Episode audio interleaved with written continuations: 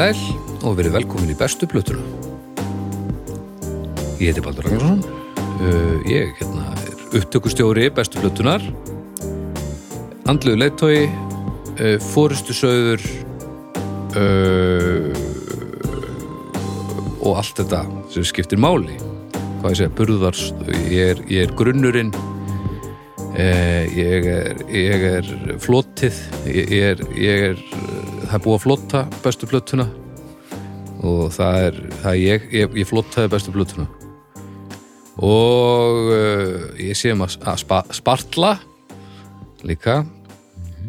En, en svo hérna eru hérna endar tveir innanús arkitektar með mér vissulega. En svo hérna sé ég svona um að að færa kollin þegar þegar öllu loki og ég sé náttúrulega þetta, þetta var glóðlust þá hérna, að þannig að segja svona já, kannski, kannski hef ég lampan þarna og, og stundum segi ég en ekki heldur færi ég bara lampan en, en e, e, það er nú bara gott fyrir alla.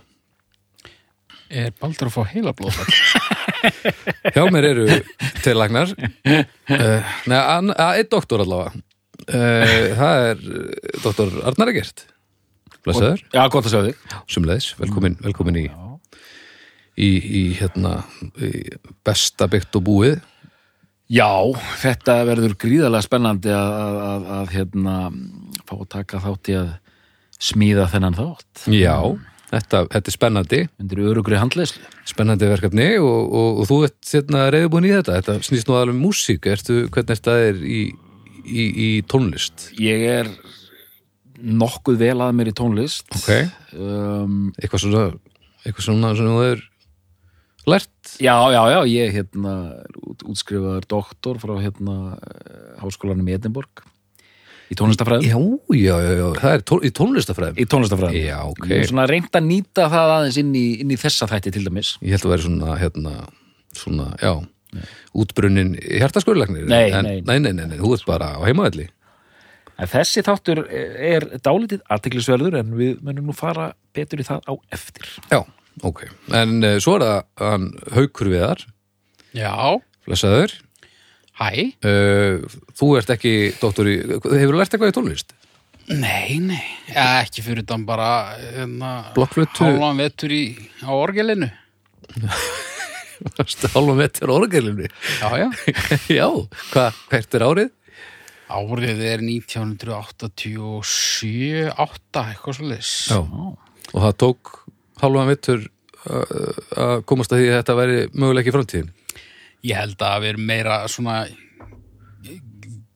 fjórar, fimm kennslustundir sko. Já, og svo að búa að borga og... Já, Já, já, já, bara eins og gengur. En þú, nú, þú ert eins og er hefur búið til tónlist, mikið af tónlist. Já, hefur áhuga á tónlist, blessunulega fyrir þennan þátt. Já, það, það, það hjálpað mikið. Það hefur hjálpað mikið. og hún alltaf hefur búið til slatta af tónlist sem var eina minni uppáhalds tónlist í heiminum áður en við kynntumst, það er mjög fyndið. Það gleður mig að heyra. Já, þú ert góður í að búið til tónlist, það, það er þannig.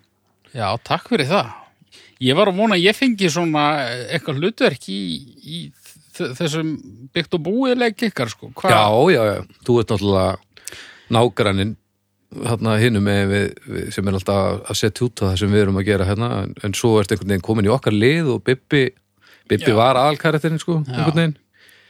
Og svo var náttúrulega bara úst, þegar sísónu var enda þá bara nei, við getum ekki kert þetta áfram á þessum karættir sko, við verðum að Herðu, það fýla allir nágrannan maður. Þó, þó hann hefði ekkert komið í síðust serju þá vittum við að þetta er gott efni sko. Það sé glaðbetti rauðhærið þarna. og síðan þá náttúrulega erum við bara úst, þetta er bara algjör upp eða búin að vera. Já, Já, þetta er bara alveg týrs góð breyting sko. ég ætla að koma á kenningu að ég væri sko ég væri, ég væri klóakið sko já, já, þú meina bara að, að þú væri bara eitthvað, já, já, já, já, já, ég skilji hérna þannig ég er grunnurinn að húsinu. Já, uh, svo erum við með klóaki hérna, nýtt klóaka þegar við þurftum klárlega að losa okkur við gamla. Já, og þá er doktorinn, hvað, þú ert svona þú hann var ert, í spaslinu var það ekki? það nei, þú. sko, ég myndi segja að hann var í ramastaflan, sko, Já, hann er svolítið svona já, þú veist, já, þú veist, ef að, ef Já, að að. Já, ef, ef þú slærið út þá bara virkar ekkert. Já. Og ég held að, að, að það myndi vera raunin með þennan þátt að ef að þú myndir ef það færi öryggi í þér þá held ég að við myndum ekki bjarga þessu aukur ekki, ekki svo glatt allavega. Nei, við getum alveg kert að kveikt á einhver kerti og eitthvað en þá væri við veist bara að tala um þú veist, á leikskóla gaman í, í klukkutíma og segja gott sko Ég tek þessu sem miklu hóli og er hræður. Já, já, já, já, bara eins og steipan sem að ég hérna hendi í. Eh, hérna um, áður Mjög en við höldum áfram þá skulum við tala um hljóðkirkjuna. Það hafa nú oft verið fleiri þættir í hljóðkirkjunni. Já, um, sko, nú er Snæbjörn talað við fólk að hætta slags taka sér frí, ég veit ekki hvernig hann hugsa þetta nákvæmlega en allavega í billi, segja þetta gott þannig að við erum náttúrulega bara að vinna með tvo þættir inn í þessari viku við, uh, það eru listamenn og besta platan Eh, Svo eru við draugarnir hins vegar að fara að snúða okkur aftur í gang og, og hérna, nú fljótlega. Svo hugsaðu nú líka hlugkirkjuna svona sem bara eh, yfir heiti yfir hvað það sem við bræðunni viljum gera. Við erum alltaf neyri hljóðfarhúsi einu sinni í, í mánuði að, taka viðtöl og, og það var nú bara í hva, hvað fyrir þremur dögum sennilega þegar þátturum fyrir lofti þá var Jakob Smári í viðtali. Um, bassarleikari og mikill snillingur þannig að þið getið fundið það inn á Facebook síðu uh, hljóðfarhúsins og það er alveg hellingur af viðtunum sem beðið tekið við uh, hitt og þetta tónlistafólk og svo bara sjáum við hvernig þetta, hvernig þetta þróa sko, þú veist við, ætlum við að gera eitthvað með dómstað og eitthvað haukur á einhverjum tímpúti það er spurning sko. Þetta er, það er allavega ekkert stress sko. Þannig að, að við látum þetta rúlla bara eins og hérna, e- eins og okkur sýnist hverju sinni en þið geta alltaf að tekka á, á, á bæði listamönnum og náttúrulega svo eru til ég man ekki hvað það var þetta er svona einhver, staðar í kringum 700 þættir til af efni frá því uh, núna, síðustu tvö, tvö ár eða svo. Þannig þegar þið eru nú valla búið með það allt saman það væri alveg galið, þá, þá þurfum við náttúrulega bara að leita ykkur hjálpar. Um, segi ég sem vann megnið þessu. Þetta er, þetta er allt saman eðlilegt. Um, svo styrtaraðali Mhm. Það er sjóvá Það er sjó. já. það er sjóvá, það er tryggingafélagi mitt Ég hérna smelti á, á síman minn út af því að ég var að spá í hvort það væri föstudagurinn 13. sko. já, Alltaf er svona tvinna það sama við trygginga umræður sko. já, já, já, já, já, já. En það er vist föstudagurinn 15. já, En það er hins vegar væri til í að sjá þig- föstudagurinn langi. já það er rétt, jú Já. og hvernig þetta er að, að, hérna, að Það er erfiðar að tvinna það sko. já, já, en ég hef trú á þér Hel, Það er til dæmis sennilega lokað í sjófa núna sko. já, ég vona það, svona, þeirra vegna Já, en hérna en nei, ég, ég næ ekki að finna það sko. Jú, ég er sko, föstudagur langi er þetta sko með þetta orð á sér fyrir að vera sko bara morgnasti dagur ásins. já, Svo hann, er- hann er svona algjörlega eh, frosinn einhvern megin og stemningsleysi mikið. ekki gera neitt af því að Gauri Galanda átti mjög slæmandag Já, já. Já. Þannig að uh, skammastuðin sko. Það er svona, þú ert bara skammastuðin og vera með samvinsku bit. Já. En þegar ég var í Breitlandi, já, þeir, föstudagur langi er ekki til þar sko. nei, Ég var skikkaður í tíma á föstudegi já og ég og þíska vinkona mín hann í tímónum, þeir eru líka með föstudaginn langa í, Þískalandi já, við vorum gáttuð sko. var það ekki? Jú, jú, og neyksluð já, ég minn þetta fárlega hefðun föstudagur langi, Long Friday, hvað mennur þau? ég meina come on. Al- algjör steipa sko. Já. Enda, En þú náðu samt ekki tengið það við sjófa Jú, eða, já, það, ég var komin, ég, ég fór aðeins út af teinunum en, Já. en sko á svona hörmulegum dögum þá er þetta gerast hræðilegi hlutir. Þá er nú, þá er nú gott að vera með tryggingafyrirtæk já, ef, ef gamli hérna, ég, ég ká hefði nú bara verið treður fyrir þessum ósköpum ha? Það hefði nú aldrei list Það er samt, það er allt loka og það er allir heima bara yðrast það, það gerast ekki slis í dag sko. En, en kannski upp á móti þá er bara fínt að hérna, nota fríið í að fara yfir tryggingamálin sín. Já, og hafa síðan bara samband við sjófa um leið og, og, og hérna, leiðindin eh, leiðindum líkur þetta er líka svona dagur þar sem maður hérna, einmitt sittur heima á sér og maður fer að sjá svona, horfi kringu sig og svona já, heyrðu, ég hef nú alltaf, alltaf að láta hérna, tekka þessu eða eitthvað. Já, já, og þetta er svona einmitt dagurinn til að taka stöðuna svona hvort maður sé, einmitt, þetta er alveg rétt hjá þér hvort maður sé með allt á hreinu eða ekki því að tækifærin, þau eru nú ekkert íkja mörg sem að fær til þess að gera það. Nei, nei. Svo er ég með eina leftusögu nú bara frá því í síðustu viku. Í, hérna, það var nú bara rúða inn í, í hérna e, Svendherbyggi hjá okkur veru.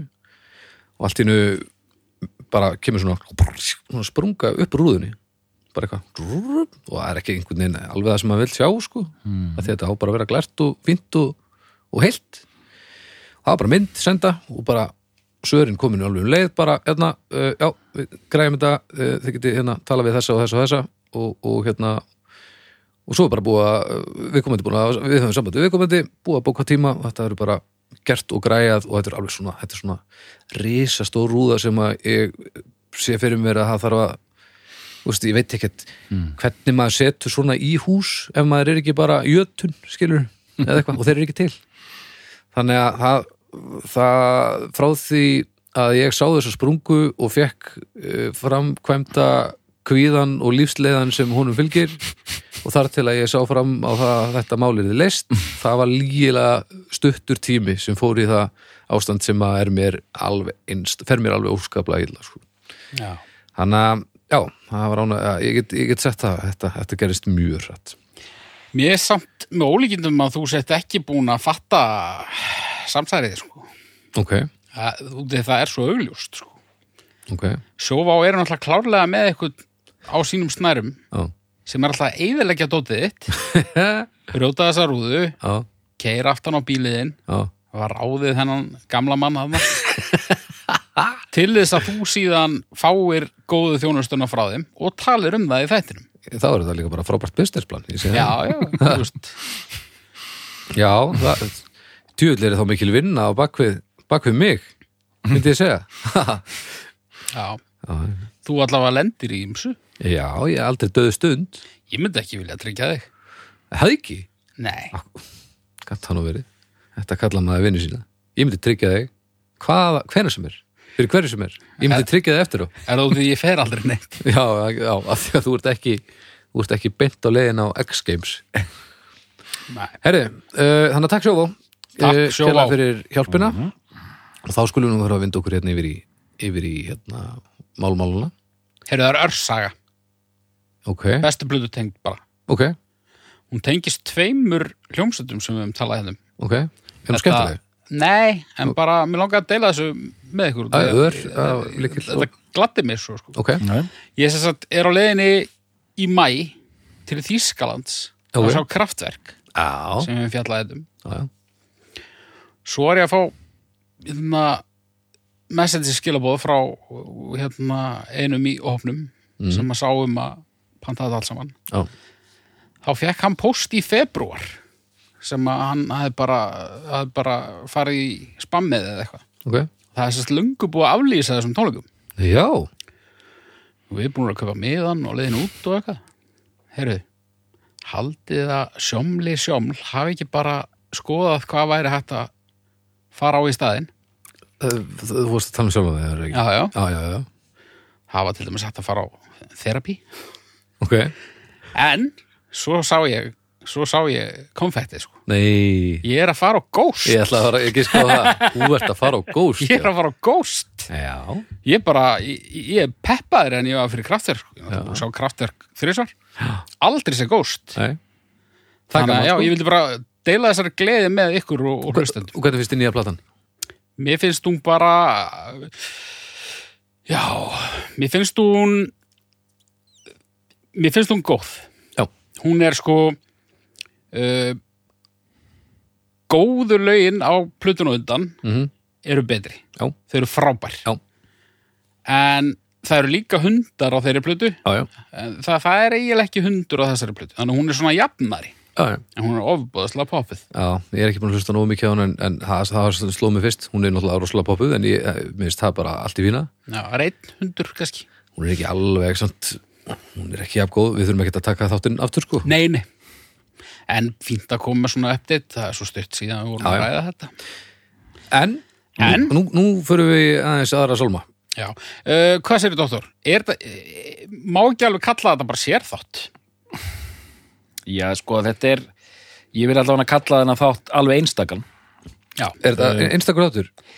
Já, sko það sem við erum að fara að gera hérna, við erum að fara að fjalla um uh, Doktor Gunna Doktor Gunna og við erum að fara að fjalla um Dr. Gunna og hans ímsu verkefni Ok, sem sagt, það sem er undir hérna í þessum þætti, Já. ég ætla að fá að sletta er svona hans listræna ark ok það eru hljómsveitir eins og S.A. Draumur uh -huh. Bless hljómsveitin Dr. Gunni Uh -huh. sólóverkefnið eh, Dr. Gunni hljómsveitin Unun Uh -huh. uh, lög uh, barnaplötur Uh -huh. og við rættum þetta aðeins í og haugur og ég fekk þessa hugmynd af því að það var bara svona eh, það var bara svona skyndi hugmynd af því ég var að hlusta um daginn nýjustu plötuna stótt og gunna Já. og þá bara hugsaði mér langa bara til að tala um hversu mikill snillingur Dr. Gunni er og Já. hversu mikill svona lagasmíða snillingur hann er Mhm. og bara gerum þetta bara og, en síðan svona þetta er dálítið á milli þylja af því að þetta er ekki bara besta plata sepultúra og síðan kemur bara titillin á plötunni sko. Mm uh, en þetta er heldur ekki þú veist við höfum verið með jólaþætti og svona einhverja flippþætti sko. En þetta er sagt Doktor Gunni sem einhvers konar rauður þráður í gegnum öll þessi verkefni mm og að sjálfsögðu og við munum bara tala um það hérna það er fullt af tónlistamönnum og tónlistafólki sem hann, er- hafa verið með honum í þessu sko. -hmm. en sumt svona jafnara en annað sko. S.A. Draumur var bara hljómsveit. Mm hann auðvitað syngur og sem er lögin og það allt sko. Já, en síðan er sum verkefnin sem hann hefur verið meira svona alveg einn. Já. Þannig að þetta er svolítið uppleggið og Þetta er, bara, þetta er nefnilega já, Þetta er svolítið flókið sko því að hann erum við að erum við í raun að spyrja hv- hvort bandið á betri plötu bless eða unun skilur Nei, já, sko, eða hann sjálfur eins og ég hann á sjálfur, þetta sko, ef að þessi þáttur hefði verið besta plata S.H. Dröms Já, þá er ein plata sem kemur til greina já, og þá þyrftum við að taka allt hitt sem hann hefur gert í já, já, sem er verra já. við getum líka tekið bestu plötu Dr. Gunna Já. og hvernig skilgrinu við það mm. skilgrinu við hann sem mann eða sem hljómsveita projektið Dr. Gunni mm.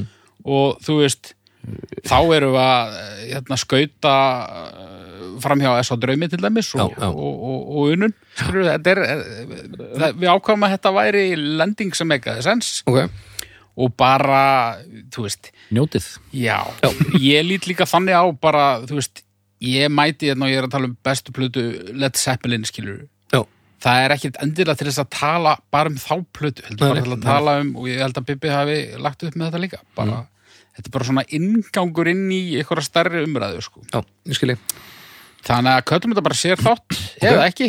Já, uh, Dr. Gunni og hans uh, listræna output verður hér til umfjöllunar í, Mm. í, í víðu samhengi. Mjög gott. Þannig að Hvernig viljið þið gera þetta þá? Sko, þetta er, þetta er þátturinn þinn. mm Þetta er þátturinn þinn, af því ég veit ekki, ég hef ekki hugmyndu hvað þú komst með sko. Nei, mitt, mitt, um, Þannig að þetta er pínu spennandi sko. Já. Ég held við verðum að taka, við verðum að taka, taka þetta svolítið kronológist. Við- Já, Þetta er þetta ekki bara gegnum ferð svolítið? Þetta er gegnum ferð í uh, sammenningu, uh, hvernig Ég- uh, þú ert vel að, að þér í þessum efnum. Doktor, hvernig er þú ykkur? Ég er bara frekar vel að mér, sko. Það er ekki Jú, ég, ég, skal, ég, skal, ég skal taka það að, ég skal taka það að mér að vera svona leiðsögumadur Ok, en þið tveir, auðvitað, viti allan fjandan þannig að þið Hvað, er, er ég að fara að í taka þessu. síman úr hlæðslu eða er þetta allt saman að uppi eða? nei, þú þart hann fullhlaðin og gott byður fyrir næsta þátt í þessu sessjoni. Þannig að hafa hann bara í hlæðslu. Ok, já, þetta er allt hérna ég sem sé veit ekkert Já, bara svo að hlustundur áttu sig á því, þá veit ég ekkert hvað, við erum að taka upp þrá þætti í kvöld og ég veit ekki hvað, hverjir hinnir tveir þættirnir eru, Nei. en núna er ég orðin stressaður. Að ég hef þurft að kaupa mér símtæki, það er bara, það er bara full ástæða til að vera Já, stressað. ok, ok, bara, bara gott að vita.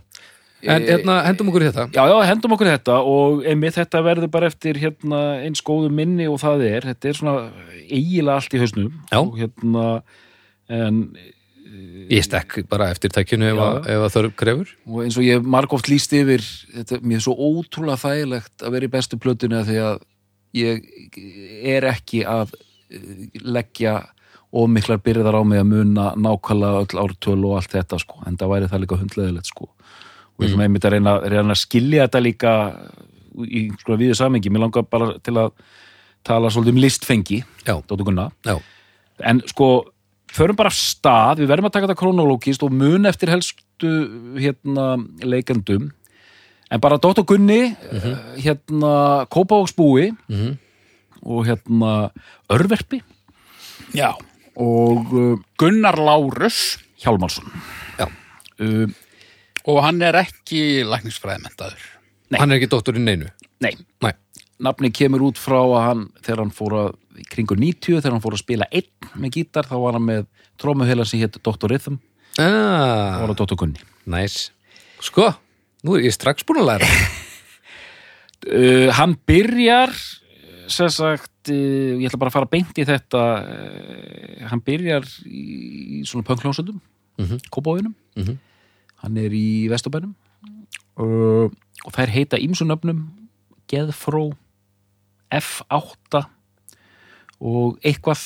Og þetta eru bara svona bílskursveitir Ok, síðan svona fyrsta bandi sem verður að einhverju alvöru er hljónstinn Svartkvítu draumur. Já.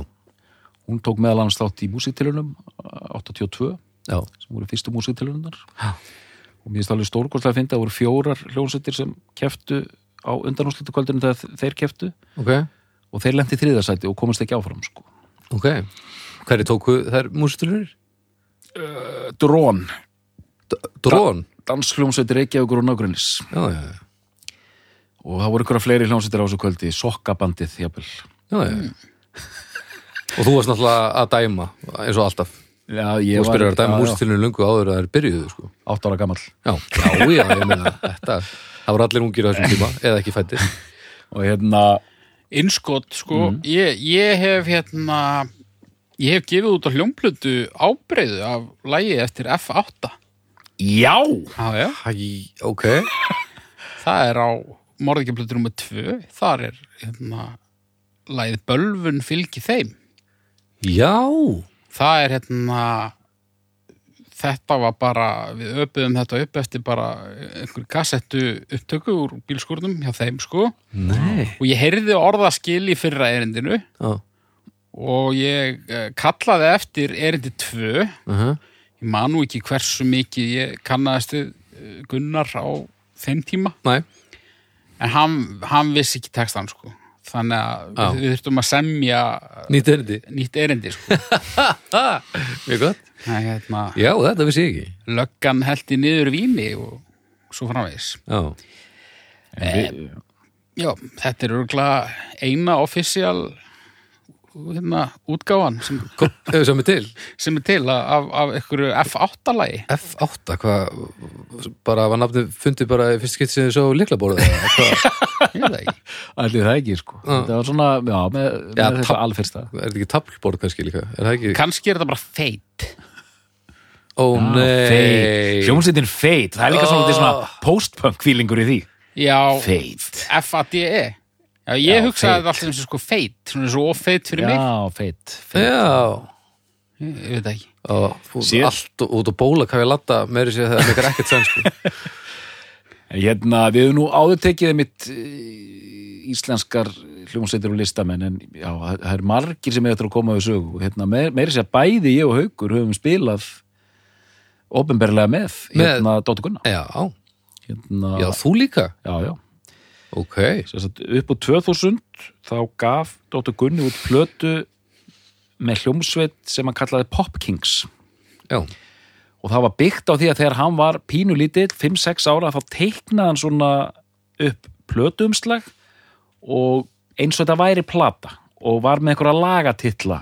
Já, bara svona sem hann var að spinna sem bann já og síðan bara ákveður hann upp á 2000 heyrðu, ég ætla bara að semja lög inn í Já, a- a- allt þetta, alla þessa skálduðu titla. Já, og hann held eitt stykki útgáðtónleika já, þar sem hann hitaði upp fyrir tvíhöða og þá fekk hann mig og bróði minn Mhm. og hérna einn vinsinn til til að vera svona eh, stand-ins. Og hann bara söng og ég held að allt vera bara playbacki og ég var svona lofttróma já, næs með einhverja hárkollu og eitthvað svona sko. Já, já, já.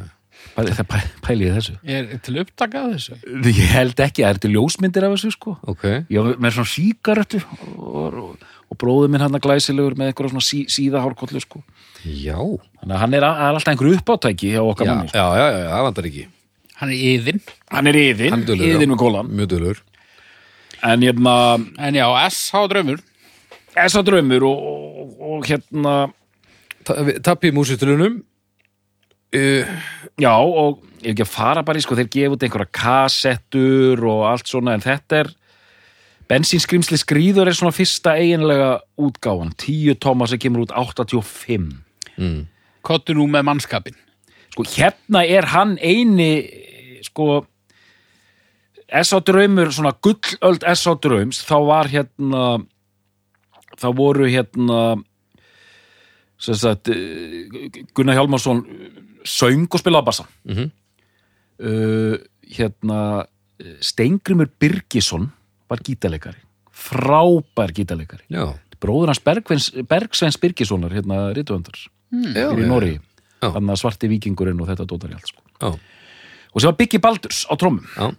uh, en á þessari fyrstu plötu er uh, Guðjón S. Birgis á gítar og Haukur Valdimars á trómur sem menn sem ég þekki ekkert sko. Já. og Gunnar Hjálmars stendur Gunnar Hjálmars stendur hérna, rödd bassi textar ok uh, og þessi tónlist er ég veit að hann var undir miklum áhrifum auðvitað frá öllu þessu síðpönki Mhm. Joy Division og Public Image Limited og allt það Mhm. en Birthday Party var líka mjög mikill áhrifavaldur Já, já, já, Nick Cave, hérna fyrsta sveitinans Nick Cave þess til að gera en tónlistin er dálítið svona óræð sko, er þú með eitthvað? Nei, í raunin ekki, sko. Ég, hérna, ég var einmitt, ég, ég, ég, ég vissi að við þyrftum að taka þessa umræðu, sko.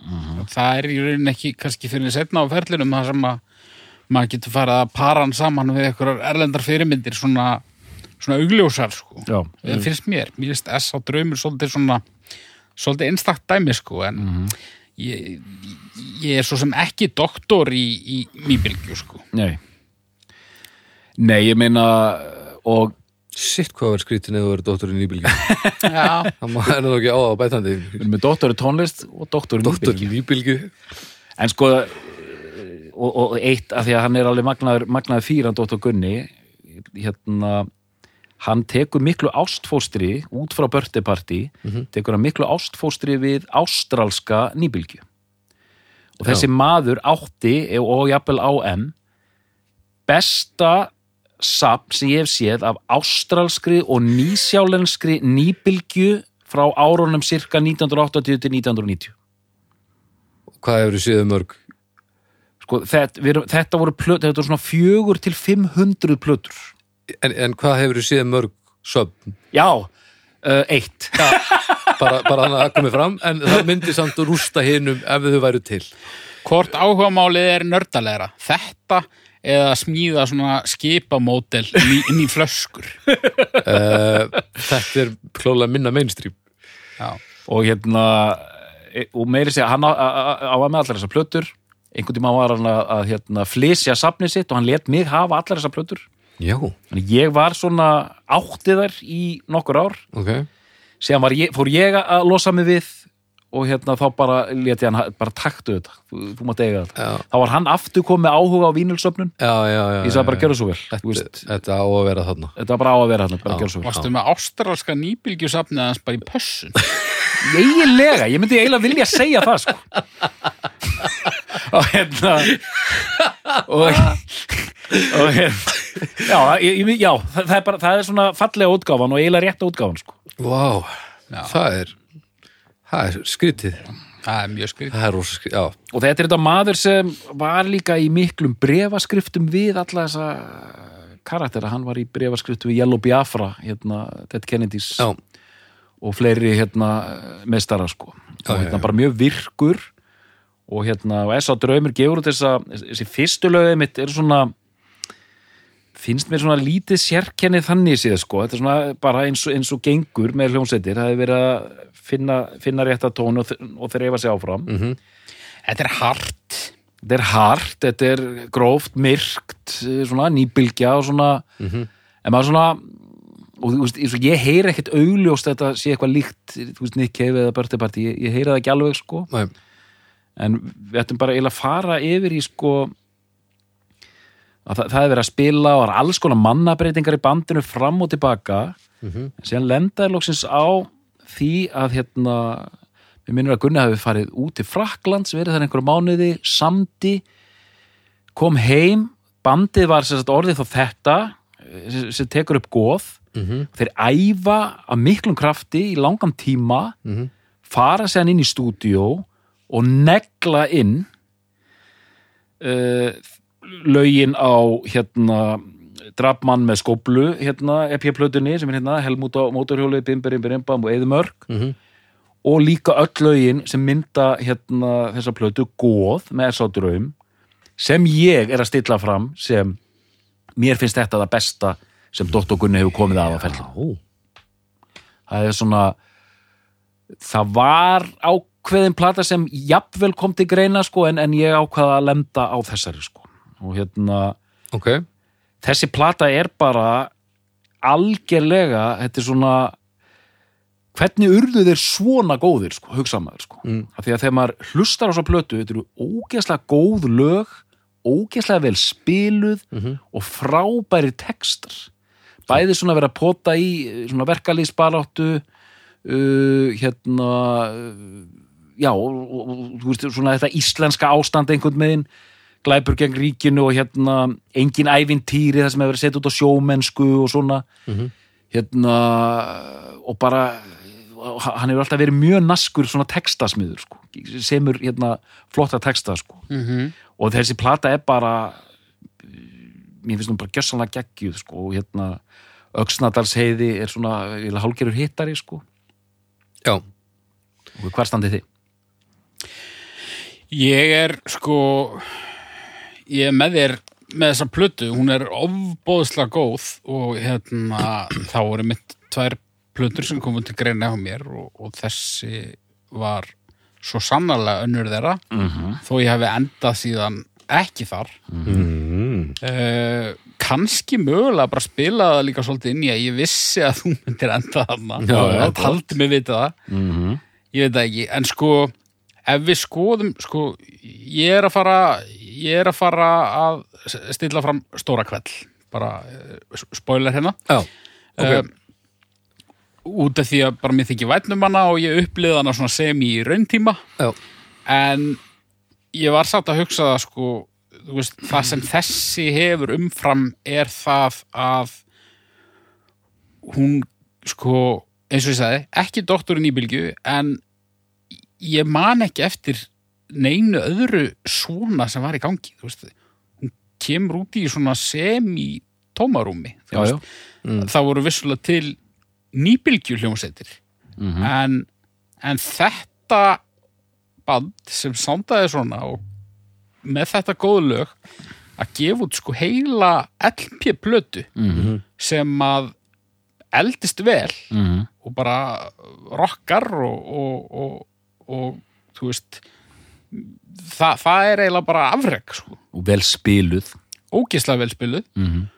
og hérna þannig að svona upp á bara já, hvað á maður að segja? Uh, verðgildi í, í, í svona menningar sögulegu samhengi. Mhm. þá hefur þessi vinning. Já, já, þetta er alveg einstart afreg sko, hún kemur út tafðist eitthvað, einhver innflutningur á hún hún kemur út í janúar 1988 Mhm. og þetta er einmitt aðeins frá henni smekkleysu gengið er á fullu. Þú veist, hérna sigumólarnir og, og, og hljómsveitir tengdar því er er að gefa út. Gunni var svona hérna, þá er þetta sér á parti. Þetta er maður sem hafði, var í ham í korter, já, tók held ég eina æfingu.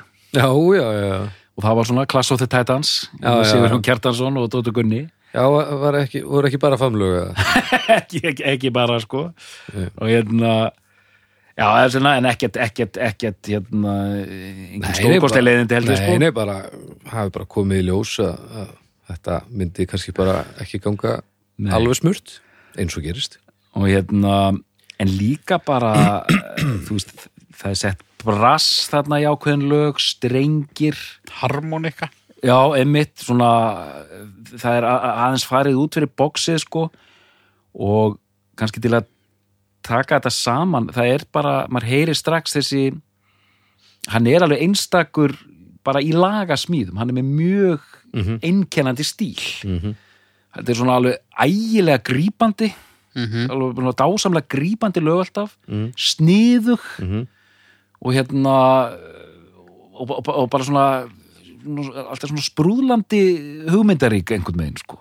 Já, Já, og svo óragur við að láta bara vaða hugmyndunar Já, og svo syngur hann bara einhvern veginn. Já, og það skiptir einhver máli vegna þess að textarnir eru það góðir og, og svo náttúrulega bara eru hljóðvarleikurinn framrúskarandi sko. Nei, á ég að segja ykkur núna? Þessi plata og, og svartkvæðu drömmur og þetta. Þessu drömmur ég bara ekkert hlustað á þetta. Nei, ekki nokkuð skapan hlut og ég hlusta mjög mikið á Dóttur Gunnar. Já, já, já. Mm. Ég kom mjög sent að þessu sko. Stóri kvellur, ég vel hana með þér sko. Já, eh, en í dag ég vissi alls ekki við vorum að fara að tala um Dóttur Gunnar. Mm -hmm. þá voru við Lilja, við Lilja hlustum mjög mikið á Dóttur Gunnar og við vorum að hlusta á Dóttur Gunnar. Og þá fór ég að hugsa, þá fór hún eitthvað að pæla hvort það verið til einmitt fleiri lög og eitthvað öðruvísi þá hlusta ég á þessa plötu í fyrsta skipti í fucking dag. Í dag, ok, ok. Og nei, það var ekki, nei, ég hún spurði ekki út í þetta, heldur ég setti á laga því ég hugsaði bara, það fálulegt ég aldrei tekka á þessu, sett á lag. Og þá segir hún, þetta er Dóttur Gunni.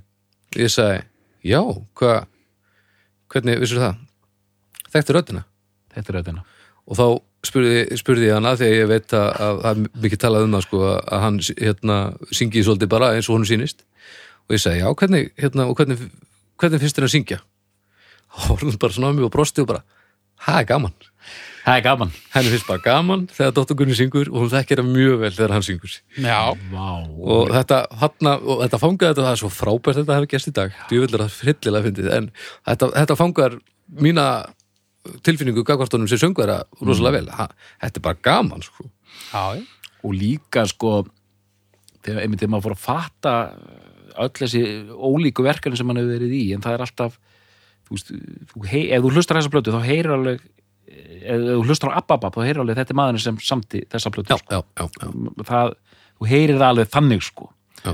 svona ákveðin svona touch í, í gangi og hérna en einmitt þessi einmitt ég hérna ég mæli indrið með þessari plötu hún, alveg, hún rúlar líka frábælega það er ekki veiku blettur hann sko. Já, ég tók hann ekki í heilsinni í dænabla að ég er ekki búin að heyra hann alla en ég fann það strax að, að það er eitthvað í þessu. Ha, já, já, ég meina fullkomlega. Og ég er að reyna að muna eitthvað svona sniðu textabrótt ég bara hérna hérna þú veist, bara, bara þetta þú veist, sjómannslíf hérna, engin ævintýr já. svona, þú veist gaggrinni á þessa gömlu sjómannavalsa Hauku Mortens og þetta sem þetta er alltaf einhvern ævintýri sko. Já, já. Hérna bara sjómannslíf, sjómannslíf hérna engin ævintýr og svona, svona svipa Bubbi Mortens var kannski að gera með hérna Sigurður sjómaður hérna komin í hjólastóla allt þetta sko. Þessi plata hún er á, á ægilum stalli í dag þessi, Já. þetta er, það má segja það sko. Það eru allir sammála um að þetta sé rosalega, rosalega gott út. Já, þetta er svona, já, bara meistaraverk. Já, uh, hvernig þegar hún kemur út eru allir sammála um það bara strax? Hún fekk rosa góða dóma í blöðunum Ok. og, og nota beni þó, þó ég sé elstur hérna inni ég upplýði þetta ekki í rauntíma. Nei, ok. ég var aðeins svo setn ég var hérna en maður heyrði, maður var svona að byrja og spenntur og hérna maður bara heyrði af þessu hérna og maður heyrði utan að sér þetta væri alveg geggja og maður var, dreif sig að kaupa þetta og tímaskinnið er svo skrítið að það sem er árs gamalt þegar maður er 14 ára er eins og sé 20 ára gamalt Já, þetta geti, þú veist, alveg eins verið bara Já. fyrsti singull með garamelu sko. já, já, þetta er bara svona, það er einhvern veginn þannig skinnjun á þessu sko og síðan kynnist ég honum bara ágætlega og, og sérstaklega bróðið minn þeir verða miklir vinnir sko. Já, já, já síðan svona, ok og þú veist, þeir eru bara hérna að spila fyrir 20 hræður hérna og la la la la loka bandinu síðan með eh, S.A. Draumur gefur út plötuna Bless eða er þetta hljómsveitin Bless að gefa út plötuna S.A. Draumur Hér er um annað sem að ég aldrei hlust á og hérna og e, það er fárulegt að því ég þekki Edda Eddi er náttúrulega mikill grúskari í allir þessari músík og hann verður eftir að hann verður pínu eh, reiður um mig hérna er lagi Grænir Frostpinnar sem var svona Mhm. semi-hittari sko Mm. en þú veist S.A. Draumur var stendur hérna, Gunni, Steinu og Byggi og þetta kemur út í ágúst 88 og Sigurjón Kjartansson tekur upp á svona bróðu sinnum Sveini Nú, já, já það er það er, engin, það er engin vík á milli vina Já, sko, nei, nei, nei, nei, nei, nei. og hérna grammið gefur út og hérna og þe- þe- þegar þessi plata kemur út þá er þetta orðið alveg svona þetta er svona eina sem helstu neðarjarðar sveitum Íslands Já, og þá er stopnað bara ég er að reyna að fara eins fljóttu við sögu og ég mögulega get sko Mhm. Uh, þá stopnað nýtt band sem heitir Bless og þá eru komnir nýja mennum borð Mhm. sem sagt Gunni sem sagt skiptir og fyrir að spila gítar Mhm. Uh, Biggi Baldurs hérna spilar á trómur áfram og Ari Eldon kemur inn á bassa. Mm. og þetta var, þannig er ég svona byrjaði að mæta tónleika 15, 15 ára gamall og ég sá þá spila. Ok. Og þetta var alveg gríðarlega þéttband sko, Já, alveg magnað. Og þarna, mér er svo gaman að segja þér frá því Baldur sko, hérna heyrur smá svona No Means No hérna feeling já. á þessari blötu Hvernig, af hverju, hvað hva, hva gerði sem er? Hverju er ég ekki búin að tekka á þessum legg, sko? bara ég öfunda þig, það er bara frábært að eiga þetta eftir Já, Þetta er náttúrulega, sko, kannski þanga til bara núna nýlega, þá er þetta ekki beint búið að vera öskrandi ámann á, úr búðarhillum og, og streymisveitum, sko. Alls ekki, en, en ég bara hef alltaf vitað þessu, því ég er búin að umgangast til dæmis Edda svo mikið hann, veist, hann er rosalega vel að sér og, og hefur rosalega sterkar skoðunum öllu, þessu öllu saman, en ég veit til dæmis, ég veit að ég á að vera búin að hlusta á þetta. Ég er bara, þetta er bara eitt af þessi sem maður hefur ekki dörrullast til þess að koma í verk, en þetta líka sem er þetta, samt fárulegt að því ég veit hvað hann er hvað mér finnst doktorinn hvað ha- hann hendar mér vel Já. sem listamaður, ég veit það nefnilega sko. já, já, ég meina, þú, þú átt eftir að dyrka þetta. Og hérna þetta er svona bl- bless, melding, þetta er þetta geggjaðu titill hérna, virk, virkar innanland sem utan. Og hérna sko og það, var, það er það er líka pælingi, nú er byrjað sko smekklesa er í svona útrásar pælingum og það er svona byrjað að óta þessu dálítið erlendi sko. Já, já, bless virkar á á, á kórutaki, já, ég bless, melding, það var, það var hérna sjón sem kom með hennar titil já, já, já, og, hérna, og þe þessi plata kom bara inn á streymisveitur bara fyrir stuttu síðan sko. er búið að vera bara í þessu formi þetta var ekki, eins- þetta var ekki til á geisladisk sko, neitt, Nei. sko. En þessi plata er æði hérna, ástfangi og hérna aðleitni bíó þetta eru bara stórkostlega lög og bara geggjað reynslega á þessari blötu hún er dálítið eins og hún lítur út þetta er þétt og grimt og bara rokkar eins og anskotin sko. Mhm. Biggi Baldur svo alveg klikkaðu trómari sko. Já. Sko, núna, sko, sko, ég þekki Gunna ekki mikið, bara, hérna, en e e- ein af okkar, hérna, örfáu samræðum í gegnum tíðina, þá var ég að spyrja hann út í bless. Og ég veit ekki hvort að hann er ennþá á því, en allavega þá, hún, hún, hún fannst það drast, sko. Hann er ekki, hann er ekki ánæðið með bless, sko.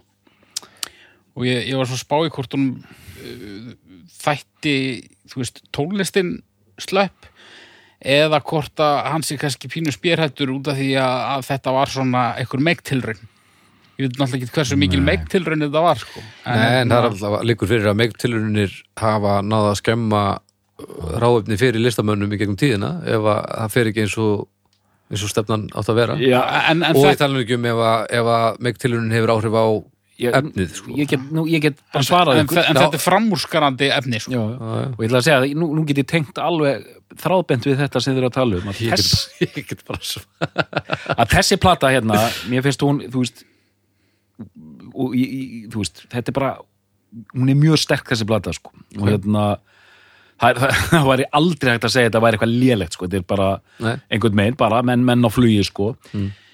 Ári síðan 1990 þá kemur út breiðskifa sem heitir Gums. Já, aftur erlenda tengingin, Gums. Já, og það er einhver tyggju hann að fljúandi framan á. Já, það var sko proper meiktilurinn sko, já, já, já. þetta var kannski svona hálfpartinn. Þannig farið alla leið. Björk syngur hérna sko á einu lagi. Mm. Óta Proppe er í einu hlutverki þarna. Og hérna platan er gefin út af Rough Trade eh, ef ég mann rétt í, í, í Bretlandi og það er eitthvað svona hérna og ég er ekki með eintak, bróður minni með eintakið sko og hérna uh, og það er, það, það var eitthvað reynd og það, það bara gekk ekkit upp sko eða Nei, seldist ekkit eða, eða ekki, ekki almennileg kynningamál ok. Whatever sko. En, en það er heldur ekkit slæm plata sko. mér, finnst hún mjög góð sko. Mjög En er held hún að hann svona- ætti bara að hætta að grænja sko. En er hún litaðri að því að vera möguleg meiktilurinn? Já, kannski með Já. svona poppaðri Já. mætti segja En í, í svona, í ljósi þess sem síðan gerist á eftir, er hún ekki bara rökkrett skref í þá áttina eða? Jú, eða þú veist, jú, þegar þú segir það ég meina, ég hlusta á, á þáplötu alveg drasl og ég, það er svona 14 lög á henni og þetta er allt sko þú veist, þetta er allt svona Dóttor Gunna standard sko, Já, já, já, það, er ekkert það er ekkert lélegt lag þarna sko. Og mér finnst hún mjög, mjög skemmtileg sko. Já, ég tek undir það. Uh, en þú veist, þeir fóru í aðra átt. Þeir, þeir ákvaðu þetta er svona, þú veist með, með góðum vilja, svona smá svona Jesus Lizard feelingur kannski sko. Geðveitt svona rock trio. Gums var kannski aðeins svona settur einhver svona popglea á yfir Já. en samt bara svona nýbylgjur rock uh, höldum áfram. Já, það er nóg eftir sko. Já, já. upp úr 90 kringu þetta þá til dæmis byrjar hann að koma fram einn og það er rosalegt svona noise geðveiki. Þetta er svona harðasta sem hann hefur gert. Já, og þá kemur til dæmis út þessi plata hérna. Dóttur Gunni eins og fólk er flesk hei. hann var alveg kortir í Sverri Stormsker Já, eins og fólk er flesk þarna er, eru lög eins og Eddi Hnífur, Já, Dóra Stóra mm. Nonni Stubbur, ok. Kalli Klessa Hvað er þetta? Bara strumpa? Að, og cover á hérna læginar hérna hvað heitir hún hérna hún var svona egifsk prinsessa Imni Nalu eftir hana hérna Já, Kleopatra. þetta, þetta var svona one hit wonder ég bara man ekki akkurat augnablikinu hvað söngunan heitir jú, Ofra Hassa Og frá Hasa. Ofra Hassa Ok. og lægið heitir Imni Nalu og hann er með svona hérna ge geðsíkislega cover á þetta, þetta er bara svona mínútu löng lög og þetta er algjör sturlum, Já. algjör bara allt. Allt í rauða botni eins og stundum er sagt hérna og bara já, þetta er svona noise core væri líklega skilgjöringin á þessu Þetta er þettur og góður pakki af störlun. Já, í rauninni sko og hann gefur út fleiri svona plötur meðal annars á Bad Vukum merkinu finska uh, þar kemur út plata sem heitir Vessar og Ok. hann, þetta er svona ein af hans svona hliðar eh, búgreinum á þessum tíma Ég syngdi standa hérna Dr. Glanni Djúlir í fegin hann heitir ekki Dr. Glanni Nei, það var ekki gott. Þá væru við ekki að gera hann á þáttaldi Nei. En það var hann líka bara búin að gera barnaflutur. Já, og vinna í einhverjum skemmt í garði að fara á móturhjóli gegnum svona eld Glandi Það var glanni komin. En sko þetta, hérna er ég bara alveg týndur Ég veit ekkit hvað þetta er Þetta er, þetta er held ég að fyrsta í þessu þætti sem að ég bara, ég, ég veit ekki hvað þetta er sko sko, sum af þessu lögum kom út á svona sapkassettum Sapnkassetum. mm svona sap, sap, Já. snældum spólum Já. já. uh, En er þetta ekki aðgengilegt neinstæðar? ekkert, nei, ekkert sérstaklega sko Nei. ég var eitthvað að garfa eftir þessu ég fann þetta ekki eins og á, á YouTube Nei, svo tengdamóðu minn segir en þá þurfum við eiginlega bara að færa okkur yfir í ég held að það sé réttast það er bara næsti bara unum Já. Það er þá smá það er smá stefnubreitingi á dóttunum Já, það það- er með þessar lýsingar. Allt, alltaf, alltaf, alltaf eitthvað nýtt sko. Já, uh, og þá er sett á laginnar hljónsitt unum það er Dóttur Gunni Þór Eldon, Sigumóli gítar. Uh, Ragnheður Eiríksdóttir Heiða, syngur uh, hverju voru fleiri þarna sem voru ímsir var hann ekki hann hérna Óbó. Óbó trommaði þarna á tímabili uh, Jóhann Jóhansson heitinn spila á hljómborð mm. uh, ég held að ég bel hérna Valgeir Sigursson hafi tekið hljómborð Mm. en þetta var dálítið verkefni þeirra þryggja Heiða Þór og hérna Og og, Dóttur Gunnar framan af Já. Og þau gefa út plötu sem heitir Æ og hún er gefin út Erlendis undir nafninu Super Shiny Dreams Já. og nú leita ég á ykkar náðir þetta er nú eitthvað sem glumdi í útvarpinu Já, sko. Nú finnst mér eins og ég verð að setja alla heimsins fyrirvara. Sko. -hmm. það er ágætt Ég, ég, ég, ég, ég flokka sjálfa mig sem aðdáanda dottors Gunna. mm. Og ég flokka mig einnig sem aðdáanda Ragnheðar. Mm -hmm. Framúrskarandi sönguna og hefur gert fullt af glæsleiri músík. Mm Og, þú veist, sigumólandir, frábært. Mér finnst unun bara ekkert alveg ganga upp, sko. ok, en ég, held að það gæti verið bara út af því að mér finnst það bara aðeins ofur 90 sko. ok Það er mjög næntir. ég, bara, ég kemst ekki alveg yfir þann Hvenær Ból, kemur sko. þessi platt út, segirðu? Ekki svona 94 eða eitthvað. 94-95 cirka Ég er tíu ára, sko. Ég man að ég heyri þessu singla og ég er alveg að kveikja melodíunum. já, já, þú veist, efniviðurinn er til staðar og Já. góðu lögin eru góð en það er bara svona eitthvað þú veist, ég bara við ég hlusta lang minnst og lang síst á þetta sko. Þetta eldist hraðast, sko.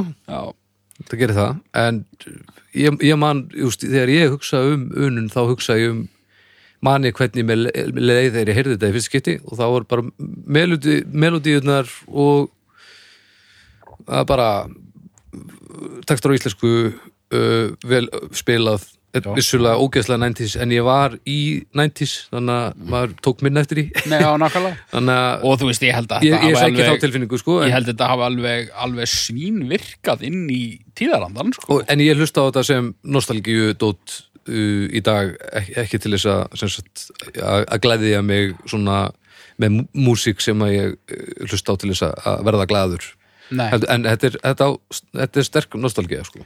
Ég man að sko fyrsta lagi sem kom út var auðvitað hana, hann mun aldrei gleyma henni sem Rúni Júl syngur. Já, og hún Kristín, hérna Jónsdóttir hérna veðufræðingur með meiru jarðskjáltafræðingur Já. og eldgósafræðingur hún söng Já, Hana. hérna, Kristín hérna bara, sem var alltaf í sjónvarpinu að útskýra eldgósið mm. með nætturinni ljósarð Já. hún, hún sagt syngur hann var þá að syngja með hennun söng líka í múldýrinu með hérna með hérna sem var hljómsveit Svavar Pétur var í. Ok. Ok, allavega. Uh, síðan kemur þetta rosalega hérna, hittari hérna lögunga mm fólksins já. sem er bara Og sko, er alveg geggja lag já, já, og þú veist, ég ætla bara að gefa unun það kredit sem hún á skilið, þú veist, þetta er náttúrulega, ég held að þarna nái hann einhvern veginn að, ég held, ég, ég held að þarna, ég held ekki að segja lærir hann, en, en þú veist, þarna fer hann að gera hluti sem hann hafði ekki gert áður, mm -hmm. þú veist, þetta eru meiri útsetningar, Mm þetta er meira pop. Já, já. og það átt alveg eftir að fylgja honum. Já, já, Mm já, einmitt, einmitt, einmitt. Og þú veist, svo setna þegar hann fer bara að gera pjúra pop bara á barnaplötum og í. Eurovision og eitthvað, þú veist ég held að, ég held að grunnurinn að því hann, hann verður allavega fyrst svona heyranlegur þarna sko. Að þarna sé mögulega einhver, einhver pop smiður í, í, í felum. Já. Já, já, Og djöfull er heiða ógeðslega skemmtileg söngkona. Já, hún er frábær. Já, hérna hér. Því líka tótt Já, þetta Já. er og bara eh, einmitt eina af þessu röddum sem maður þekkir alveg sama hvað sko. Já, En þetta, mér finnst þetta góð eh, kenning sko hvernig hann svona þróast í meiri svona pop-áttir, þannig séð. Þó maður heyrið alveg á til dæmis góð að þetta er svona maður sem semur þetta er svona Kurt Cobain sko sem bara samdi mjög grípandi poplög einhvern megin já, í þeim skilningi. Og hérna einhvern veginn er svo dóttökunni get ekki annað sko en þú tekur þetta fyrir hann í noise dæmi sko en hann þróar þetta mjög skemmtilega finnst mér sko. Um, en, og það var nú sannlega uh, hann hefur talað um það sjálfur að ég held að hann hafi sagt unun hendi sér af öllu afli í gen meik já, skrimslisins já, já, það var alveg átti bara að landa þessu já, já, það Já. bara og, og, og allt, allt reynd og allt gert og hann svona komd aldrei tættur út úr því öllu sko. já, þannig að Já. það gekk, gekk ekki uh, gekk það bara ekki neitt eða gekk það bara hægt eða illa eða gekk eitthvað, það var eitthvað gefið út hann í Bretlandi Já. og einhverju klósettúrar og, og það allt sko Já. og bara, þú veist kynningaljósmyndir og, og alveg svona Já. haldið af stað en Já, ég meina, við, við erum með dæmi við erum með lífs, við erum með mínus sem hafa allar farið í einhver svona ferðalög sko. já, mínus, það var svona pús frá Sony jara, jara, jara og eitthvað reynd kannski hálft ár og síðan bara já, ég meina og uh, bara Unpop og, Já, já, einmitt, það, einmitt. það er, og það er það sem er líka svo harkalegt við þetta, það er ekkert nóg að þú getur verið með allt þitt á hreinu Já, og já. það, það er ekkert nóg, það er ekkert nóg að vera með gott efni og vera í góðum málum svo bara leggst þetta þannig að einhver drulli segir eitthvað og, eða bara Mm. fjarar út og engin alveg ástæða sko.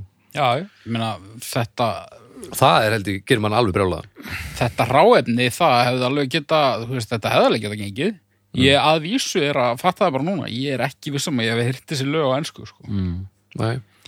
en hérna En, en sem sagt, unun líkur síðan störfum með því að það kvartnast úr bandinu, það kemur út ein platt í viðbót sem heitir Ótta, Mm, kemur út 98 ok, og næsta verkefni svona sem, sem við ættum að taka fyrir hérna í þessum þætti er hérna uh, Ababab Ababab já. Kom hún út 98 líka? ég held það. Já, ég held það sko, 98 Já. og hvort að 8 kom kannski út 97 eða eitthvað þetta er svona alveg svipað en. Ababab og hún er mert hérna Doktor Gunni og vinir hans. Já.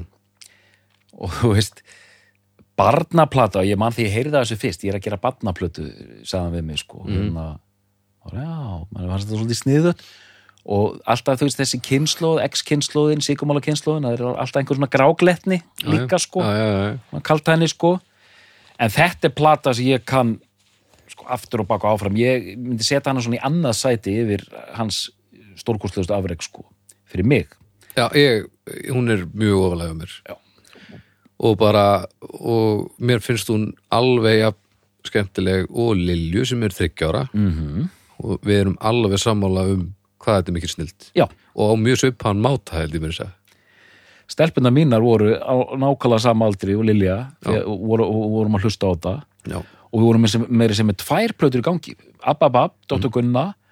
Og síðan var gefin út á geisladiski líka tónlist úr söngleiknum Ababab já, sem var settur upp í Hafnafyrði ok, það hef ég ekki hert og ég sá þann söngleik Sigurún Kjartansson lék og, og Dóttur Gunni var hann með bandið sitt og það var bara svona proper söngleikur og það voru lög úr Ababab og einhver smá nýlög Elvar hérna spilaði á gítar hérna, hérna og þannig að við vorum með þetta mikið í bílnum og ég, ég var fann að kunna söngleikja útgáfana betur heldur en já, já, já, en sko lögin bara eins og sista sjóræningi já hvernig hann, og þú þekkir þetta sem tónlistamann, hvernig hann tegir á atkvæðum í söng sko hérna, hérna eins gott að sísta var með tegju bísu, eitthvað svona hann, Já, já, hún náttúrulega syngur þetta hún, hérna Er